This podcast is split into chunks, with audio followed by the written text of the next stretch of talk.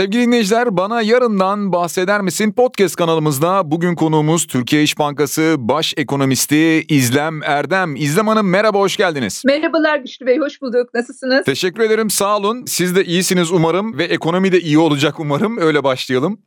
E, ben iyiyim ekonominin de iyi olmasını umut ediyoruz. Öyle diyelim. Aslında şöyle başlayalım. Hem dünya ekonomisini hem Türkiye ekonomisini konuşalım istiyorum ama e, tabii son dönemde kiminle röportaj yaptıysak muhakkak bir pandemi etkisinden bahsettik. Yani bu doğayla ilgili de olsa, üretimle ilgili de olsa evet. hep pandemi etkisini konuşuyoruz. Hatta psikoloji bile konuştuk bir yandan. Doğru. Peki ekonomiyi bu pandemi nasıl etkiledi? Bu geride aşağı yukarı işte neredeyse iki sene bırakıyoruz şu anda bizim bu röportajı yaptığımız yaşadığımız dönemde 2021 yılında bu yıla geldiğimizde ekonomide nasıl bir görünüm vardı? Daha doğrusu beklenti neydi veya bir yandan onu da sorayım da e, beklenti gerçekleşti mi? Farklı bir şeyler ortaya çıktı mı? E, şimdi ben sorunuzu küresel ekonomik e, görünüme ilişkin olarak algılıyorum. Çünkü e, herhalde ülkeler birbirinden çok ayırt etmeksizin benzer etkiler altında kaldılar pandemi içerisinde.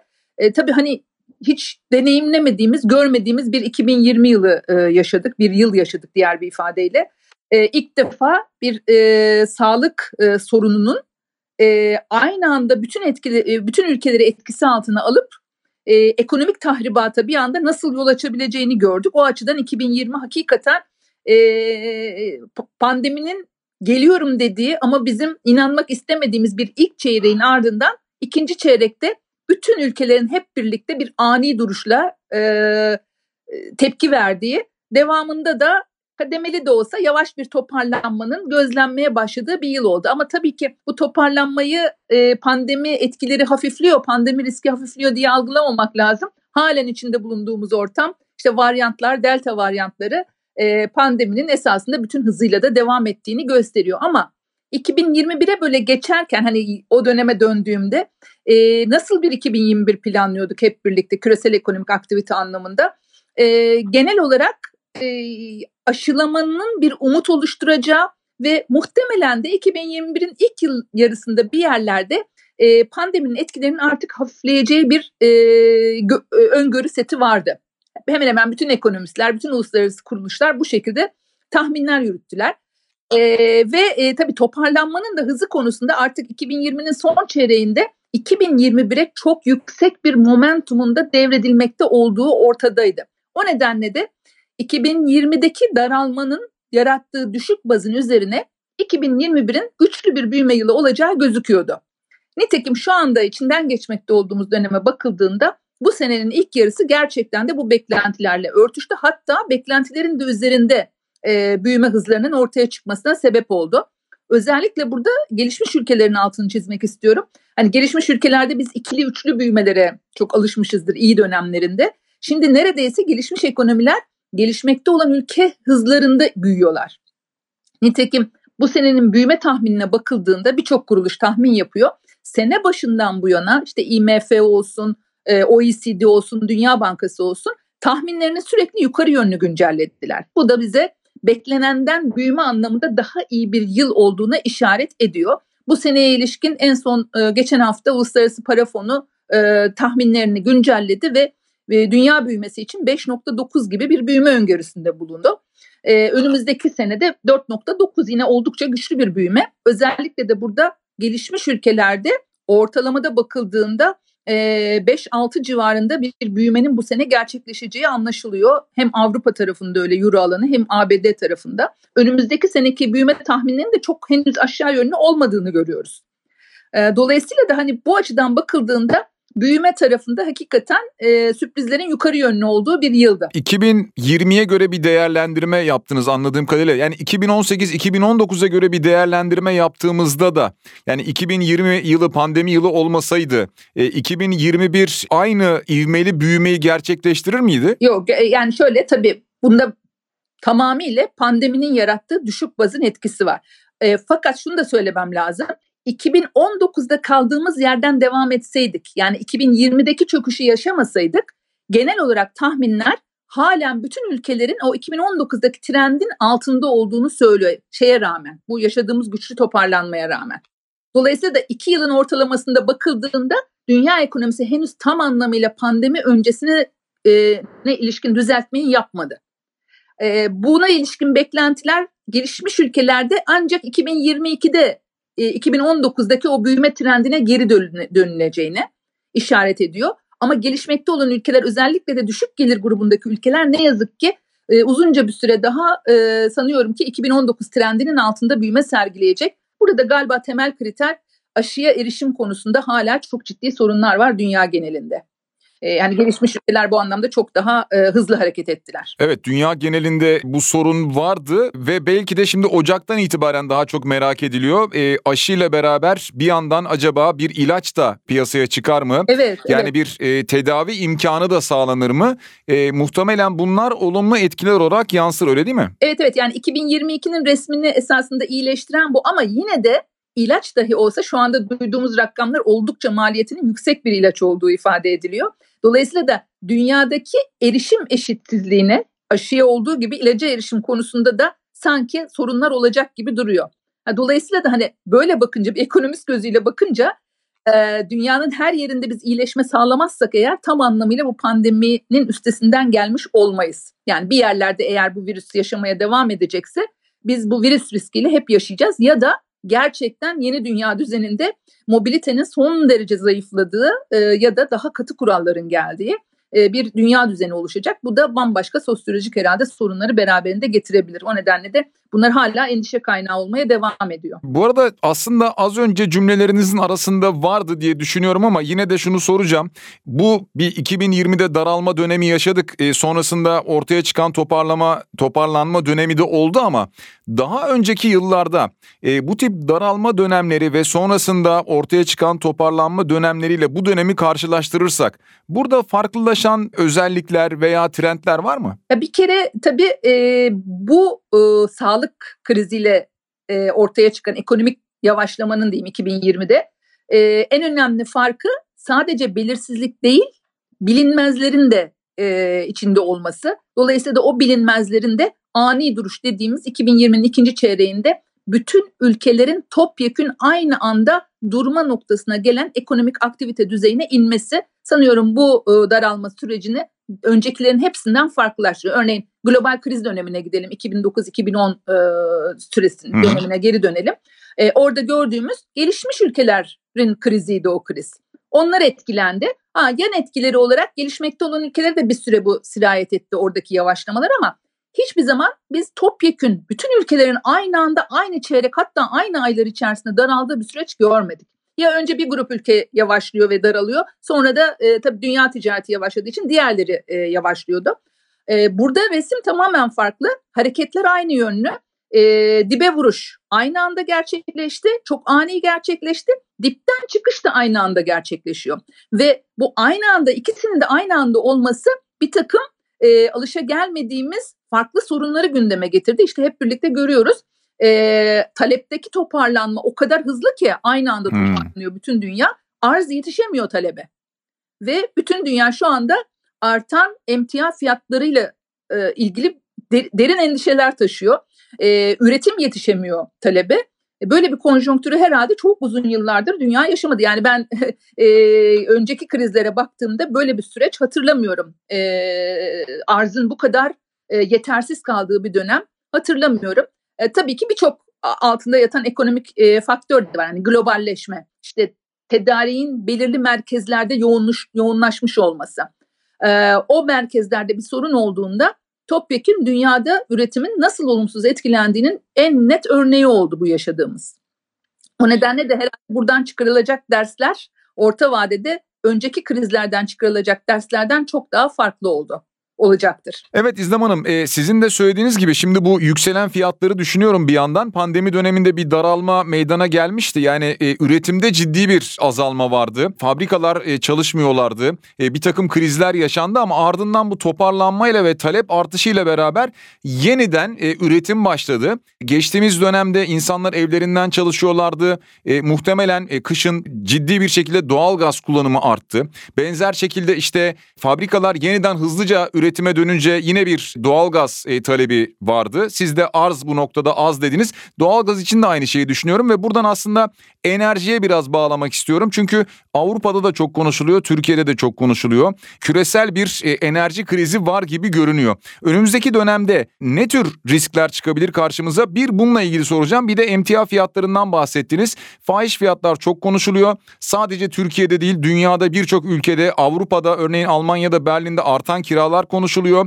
E, bütün bunların ardından bir stagflasyon beklentisi olabilir mi? Yani hem ekonomik durgunluk hem de bununla beraber bir yüksek enflasyon gelebilir mi? Ee, evet çok çok gündemde olan bir konu hakikaten bir enerji krizinin eşiğinde miyiz diye. Ama belki de şöyle de bakmak lazım. Geçen senede e, bütün emtia fiyatları e, değerli metaller hariç dip seviyelere indi. Yani petrolde biz 26 dolarları görmüştük varil fiyatı. Şimdi bugün geldiğimiz noktada 85 dolara çıktı. E, evet sene başına kıyasla petrol fiyatlarında yaklaşık Brent türü petrole bakacak olursak %61,5'luk bir artış var ama bunun e, esasında geçen senenin o çok düşük fiyatının bir düzeltmesi olduğunu da görmemiz gerekiyor herhalde. E, çünkü biz geçmişte 100 doların üzerindeki varil petrol fiyatlarında görmüştük varil başına petrol fiyatlarında. E, burada sanıyorum birden çok faktör devreye girdi. Bir tanesi tam da sizin özetlediğiniz gibi üretimin çok hızlı normalleşmeye çalışması, talebe yetişmeye çalışması e, petrol talebini, enerji talebini arttırdı. Diğer taraftan da özellikle petrol özelinde e, bildiğiniz gibi ülkeler üretim kısıntısına gidiyordular. Çünkü ondan önceki konjonktür tam tersi yavaşlayan bir dünya ekonomisine işaret ederken ülkeler kendilerine e, bir konfor alanı yaratmak için üretici ülkeler, petrol üreticisi ve ihracatçısı ülkeler e, petrol üretimlerini yavaşlatmaya başlamıştılar. Esasında bu kısıntıların halen devam ettiği bir süreçteyiz. Kademe kademe açıyorlar ve açtıkları o e, ilave üretim kapasiteleri de ne yazık ki yetmiyor bugünkü talebi karşılamaya. E, bu da galiba geçmişteki petrol fiyatlarında görülen dalgalı seyrin ilgili üretici ülkeler tarafında bir miktar daha lehe dönüştürülmesi çabası olarak algılamak lazım. E, ama tabii bu ne kadar sürdürülebilir, ne kadar devam edecek? E, dediğiniz gibi işin ucunda bir de stagflasyon riski gelebilir. Çünkü şu anda bütün dünyada üretici fiyatları enflasyonu konuşuluyor. İşte Amerika'ya e, bakıyoruz, yükselen trend. Çin'e bakıyoruz, tarihte görülmemiş e, e, enflasyonu yaşıyor üretici fiyatları tarafında. 8.9'lara çıktı yıllık e, üretici fiyatları enflasyonu. Türkiye'de bildiğimiz gibi kurun da etkisiyle %43 civarında bir üretici fiyatları enflasyonu. Yani net bir maliyet enflasyonu var. Dolayısıyla da maliyetlerin bu kadar yükseldiği bir ortamda esasında beklenen şey talebin e, bir süre sonra yavaşlaması bu kadar yüksek fiyat artışlarına e, bir durgunluk döneminin gelmesi şeklinde. Ama şu ana kadar tahmin yapan kuruluşlarının tahminlerine baktığımızda e, pandemi kaynaklı bu yaşanan dibe vuruş ve yukarı yönlü hareketin e, normal ekonomik konjonktürlerle karşılaştırılmaması gerektiği yönde. Dolayısıyla da geçen sene 2020 yılında özellikle hane halklarının çok ciddi tasarruf yaptığı görüldü. Pandemi sahikiyle bir anda herkes savunmaya geçti, talebini azalttı ve o dönemlerde gerek kamunun gerek bankacılık sektörünün ekonomiye verdiği destekler hane halkı tarafında tasarruf olarak yansıdı.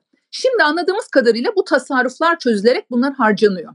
O nedenle de şu anki her ne kadar biz şikayet de etsek yükselen e, maliyetlerden talep çok da duyarlı davranmıyor bu maliyet artışlarına. O nedenle de önümüzdeki seneki büyüme tahminlerinin global ölçekte hala yüzde dörtler civarında olduğunu düşünecek olursak bu bir stagflasyona işaret etmiyor kısa vadede. Eğer büyüme bu hızıyla devam edecekse hani durgunlukla birleşen bir enflasyon değil e, talebin canlı olmaya devam ettiği, enflasyonun da buna eşlik ettiği ama eğer bir süre sonra biz arz tarafında bir dengelenme görürsek ki IMF'nin beklentisi de bu yönde Uluslararası Para Fonu'nun bir süre sonra bu emtia fiyatları e, kaçınılmaz olarak e, talebe yetişecek. E, dolayısıyla da e, bu dengelenme tam tersi yönde yeniden emtia fiyatlarında aşağı yönlü bir seyri gündeme getirebilir. Dolayısıyla da enflasyonda aşağı yönlü seyirlerde gözlenebilir. Ama bunlar tamamen şu anda varsayımsal tahminler. Yani hala enflasyon bir risk, önümüzdeki senede bir risk e, ve bir belirsizlik kaynağı ekonomik aktivite açısından. Özellikle de az önce söylediğim gibi bu tasarrufların, birikimlerin halen talebe dönük, e, tüketime dönük e, aktiviteyi canlı tutması e, enflasyon tarafında risk oluşturmaya devam edecek gibi e, duruyor. O nedenle de hani buradan gerçekten stagflasyon olup olmayacağına ilişkin yorum yapmak zor ama genel kanı eğer dünyada genel bir durgunluk beklenmiyorsa bunun stagflasyon olarak devam etmeyeceği yönünde. Aslında bir yandan 2022'ye dair tabii biz bu röportajı 2021'de yapıyoruz. 2022'ye dair beklentileri bir anlamda aktardınız. E, hatta risklerden de kısmen bahsettiniz ama evet. bir yandan sizin söylediklerinizde enflasyon riski olduğunu anlıyorum. Bir yandan da pandemi riski halen devam ettiği için burada bir ilerleme olursa buradan da bir risk gelebileceğini anlıyorum. Bunun dışında dünya ekonomisini yakından ilgilendiren ne gibi riskler olabilir? E, yani en önemli risk dediğiniz gibi e, enflasyon risk olmaya devam edecek ama bunun dışında sanıyorum bu pandemiyle beraber çok önemli bir dönüşüm de e, yaşayacak dünya ekonomisi. Çünkü dijitalleşme daha daha hızlı e, hayatımıza girdi. Zaten bir dijitalleşme süreci vardı ama pandemiyle beraber bu trendin gittikçe arttığını görüyoruz. Bir taraftan da e, iş gücü piyasalarında çok ciddi kayıplar oldu pandemi sebebiyle, işte üretim kısıtlamaları sebebiyle, e, eve kapanmalar sebebiyle. Şimdi yeni dönemde e, en önemli risklerden bir tanesi de bu iş kaybıyla karşılaşan kişiler iş gücü piyasalarına ne zaman dönecekler, dönebilecekler mi? Ya da döndüklerinde farklı yetkinlikler aranacak bu kişilerden. Bunun en önemlisi de herhalde teknolojik yetkinliklerin daha yüksek olması gerekecek. Bu da dönüp dolaşıp işi eğitime getirecek. Çünkü pandeminin en olumsuz etkilediği alanlardan bir tanesi de eğitimdi. Bizim ülkemizde de bunu gördük kapanmalar sürecinde. Dolayısıyla da dünyanın çok hızla hem enerji ihtiyacı hem geleceğin işte yeşil enerji ihtiyacı hem bu dijitalleşme bütün bu trendleri düşündüğümüz zaman e, farklı bir yetkinlik setiyle e, hareket etmesi gerekiyor. Buna ilişkin eğitimlerin yoğun bir şekilde artması gerekiyor ve e, iş gücü piyasasının da sanıyorum yeni normaline dönmesi gerekiyor. Ama bütün bunlar yaşanırken diğer taraftan da pandemiden çok hızlı çıkamayacağımız ve hani genel tahminlere göre 2024'e kadar biz pandemiyi konuşmaya devam edeceğiz. Hal böyle olunca da dünya genelinde gelir eşitsizliğinin de yine devam edeceği bir sürece işaret ediyor bu. Dolayısıyla da bir taraftan da gelir eşitsizliğinin beraberinde getirebileceği bir takım sosyal sorunlar dünya geneli için. Bunlar herhalde önümüzdeki dönemin önemli konu başlıkları olacak. E, refah düzeyini arttırmaya devam eden ülkeler, işte aşıya erişimi yüksek olan ülkeler, diğer taraftan da zaten hali hazırda gelir eşitsizliğinin daha yüksek olduğu az gelişmiş ülkeler e, diğer ülkeleri nasıl yakalayabilecek? E, buradaki sorunları herhalde yakından takip etmek gerekecek. O nedenle de önümüzdeki dönem e, bir taraftan e, enerji konusundaki darboğazların giderilmesi, yeşil enerjiye geçiş, buna ilişkin yatırım ihtiyaçları, bir taraftan da bu eşitsizliklerin giderilmesine ilişkin yoğun risklerin bir arada yaşanacağı ve buradan da şeye gideceğiz. Hani yeni normalde büyüme nasıl olacak? Hani şu anda pandemi etkisiyle büyüdük.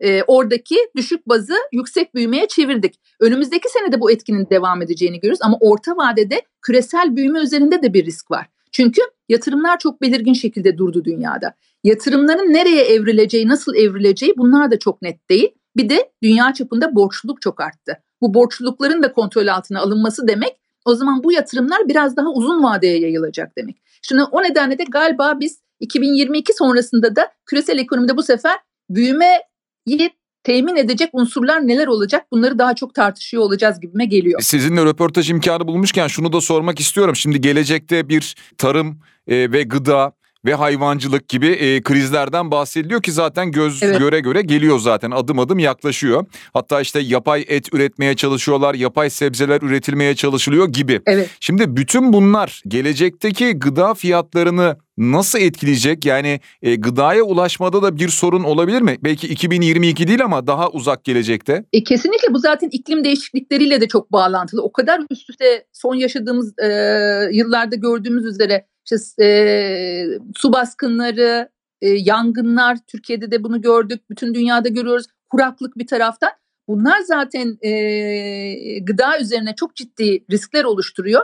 Bir de pandemi etkileri birleşince dünyada işte son bir yılda gıda fiyat artışına bakıyoruz yüzde 27-28'lerde. E, dolayısıyla bu birebir Türkiye'de bize de yansıyor. Gıda e, fiyatlarındaki yüksek artışlar dünyadaki artışlardan bağımsız hareket etmiyor. Özellikle de gıdada bağımlılığı olan ülkeler, gıdaya erişim sorunu olan ülkeler, kendi kendine yetemeyen ülkeler açısından ki bunların da bir kısmı ne yazık ki düşük gelir grubundaki ülkeler bunlar açısından orta vade çok ciddi bir risk oluşturuyor e, içinden geçmekte olduğumuz süreç. O nedenle de gıda tedariği sanıyorum önümüzdeki dönemin stratejik konularından biri haline gelecek. Hep şey denirdi 2050'lerde gıdada kendi kendine yetebilen ülkeler e, dünyaya hakim olacak denirdi. Gerçekten bu resme Hı-hı. doğru gidiyoruz. E, ortam bunu gösteriyor. E, ama bunu e, tabii e, böyle bir e, döneme hazırlık da e, ne yazık ki pandemiyle kesintiye uğradı. Yani şu anda pandemi bütün e, dinamikleri alt üst etti. Çünkü enerji krizinin içinden geçmekte olduğumuz bir dönemde de ben yeniden fosil enerji kaynakları kullanılmalı mı, devreye girmeli mi? Çünkü enerji darboğazı nasıl açılacak? Böyle tartışmaları da yeniden duymaya başladım. E bir tarafta 2050'de net sıfır emisyon gibi bir hedef var. Emisyon sıfıra indirmek. Evet. Öbür tarafta da bugünkü arz açığının, enerjideki arz açığının fiyatlar üzerinde ilave bir baskı yaratmaması için yeşil enerjiyi şimdilik biraz kenarda tutalım. Çünkü oradaki yatırımlar vakit alacak. Yeniden fosili kullanalım mı? E bu da bütün dünyadaki stratejileri alt üst edecek bir e, dilemma esasında. E, zor bir orta vade bizi bekliyor. E, yani insanlık olarak bir taraftan insani e, gelişmeyi ön plana almamız gerekiyor. Bir tarafta da tam da hayatta kalma. Özellikle düşük gelir grubundaki ülkelerin ayakta kalma mücadelesine de destek olmak gerekiyor. E, zor bir resim maalesef. Evet maalesef. İzlem Hanım son olarak şunu soracağım. Genel bir e, global değerlendirme aldık aslında sizden ama tüm bunlarla beraber bütün bunların yani mesela gelecek için konuşacak olursak Türkiye ekonomisine bu e, yansıması nedir? Nasıl olabilir? Şimdi e, yani bu pandemi sürecinde tabii ortaya çıkan farklı dinamiklerden bir tanesi de e, tedarik zincirleri, işte globalleşme, bunların yeniden sorgulanması, tek bir tedarik merkezine bağlı kalmama sanıyorum bu alanda Türkiye bir fırsat yakaladı gibi duruyor. Fırsat yakalamak üzere ya da ihracatımızdaki bu güçlü artış, bu sene yakaladığımız güçlü artış bunun öncü göstergelerinden bir tanesi. Ee, özellikle de coğrafi yakınlık, bulunduğumuz e, coğrafi konum, Avrupa'ya yakınlığımız sanki Türkiye'yi birçok Asya ülkesine kıyasla e, Avrupa'nın ihraç e, kendi ithalatı için tercih edeceği bir ülke konumuna getirdi. Tabii ki Türk lirasının değer kaybı da bu süreci hızlandırdı. Çünkü e, düşük Türk lirası göreli olarak bir fiyat rekabet avantajı da yaratıyor Türkiye açısından. E, dolayısıyla da bu açıdan bakıldığında evet ihracat kanalı bizim lehimize gözüküyor ama Türkiye'nin ithalata bağımlılığını da düşünecek olursak özellikle üretimdeki ithalat bağımlılığı bu bir süre sonra ithalat artışını da beraberinde getirecek. Dolayısıyla da bizim hızla bu e, ithalata bağımlılığımızı azaltacak yatırımları da devreye sokmamız gerekiyor. Bu önemli bir konu. Bununla beraber çözemediğimiz enflasyon konusu. Ne yazık ki küresel enflasyon ilave bir risk faktörü yarattı. Bir de Türkiye'ye özgü riskler buna eklendi. Dolayısıyla da e, 2023'te seçime giden bir Türkiye ekonomisi sanki bir miktar enflasyon endişelerini geri plana alıp büyümeyi, yatırımları ön, e, önceleyen programlar uygulama eğiliminde. Böyle olunca da biz galiba bir süre daha enflasyonla nasıl mücadele edeceğiz? E, bunları konuşmaya devam edeceğiz. E, bu bir önemli bir risk oluşturmaya e, devam edecek ki gıda da bizde e, gıdanın bir kısmında ithal etmek durumundayız. E, dolayısıyla da e, sepetimiz içerisinde enflasyon sepeti içerisinde gıdanın da payının yüksek olduğunu düşünecek olursak bizim tarım alanındaki yatırımlara da öncelik vermemiz herhalde e, en önemli ihtiyaç alanlarından bir tanesi. Yoksa orta vadede Türkiye her zaman için dinamik bir ekonomi. Özellikle de COBİ'leriyle, e, dinamik ekonomisiyle Türkiye lehine çevirebileceği fırsatları kullanabilir. Ama e, herhalde makro taraftaki riskleri de bir an önce e, ortadan kaldırmamız, belirsizlikleri ortadan kaldırmamız gerekiyor. En azından Türkiye kendine özgü ilave risk yaratmamalı, ilave belirsizlik yaratmamalı bu süreçte. Çünkü dünya ekonomisi bize haddinden fazla riskler, haddinden fazla belirsizlikler sunuyor. İnşallah bu risklerin hepsine e, hazırlıklı oluruz. İnşallah ben hep söylüyorum üretim diyorum her alanda kendimiz üretmeye, o ara maddeleri, ham maddeleri e, hangisi ise kendimiz üretmeye e, hızlıca başlarız ve devam ederiz. Türkiye İş Bankası Baş Ekonomisti İzlem Erdem konuğumuz oldu sevgili dinleyiciler. İzlem Hanım çok teşekkür ediyoruz. Ben teşekkür ederim. Çok keyifli bir program oldu benim açımdan da. Teşekkür ediyorum.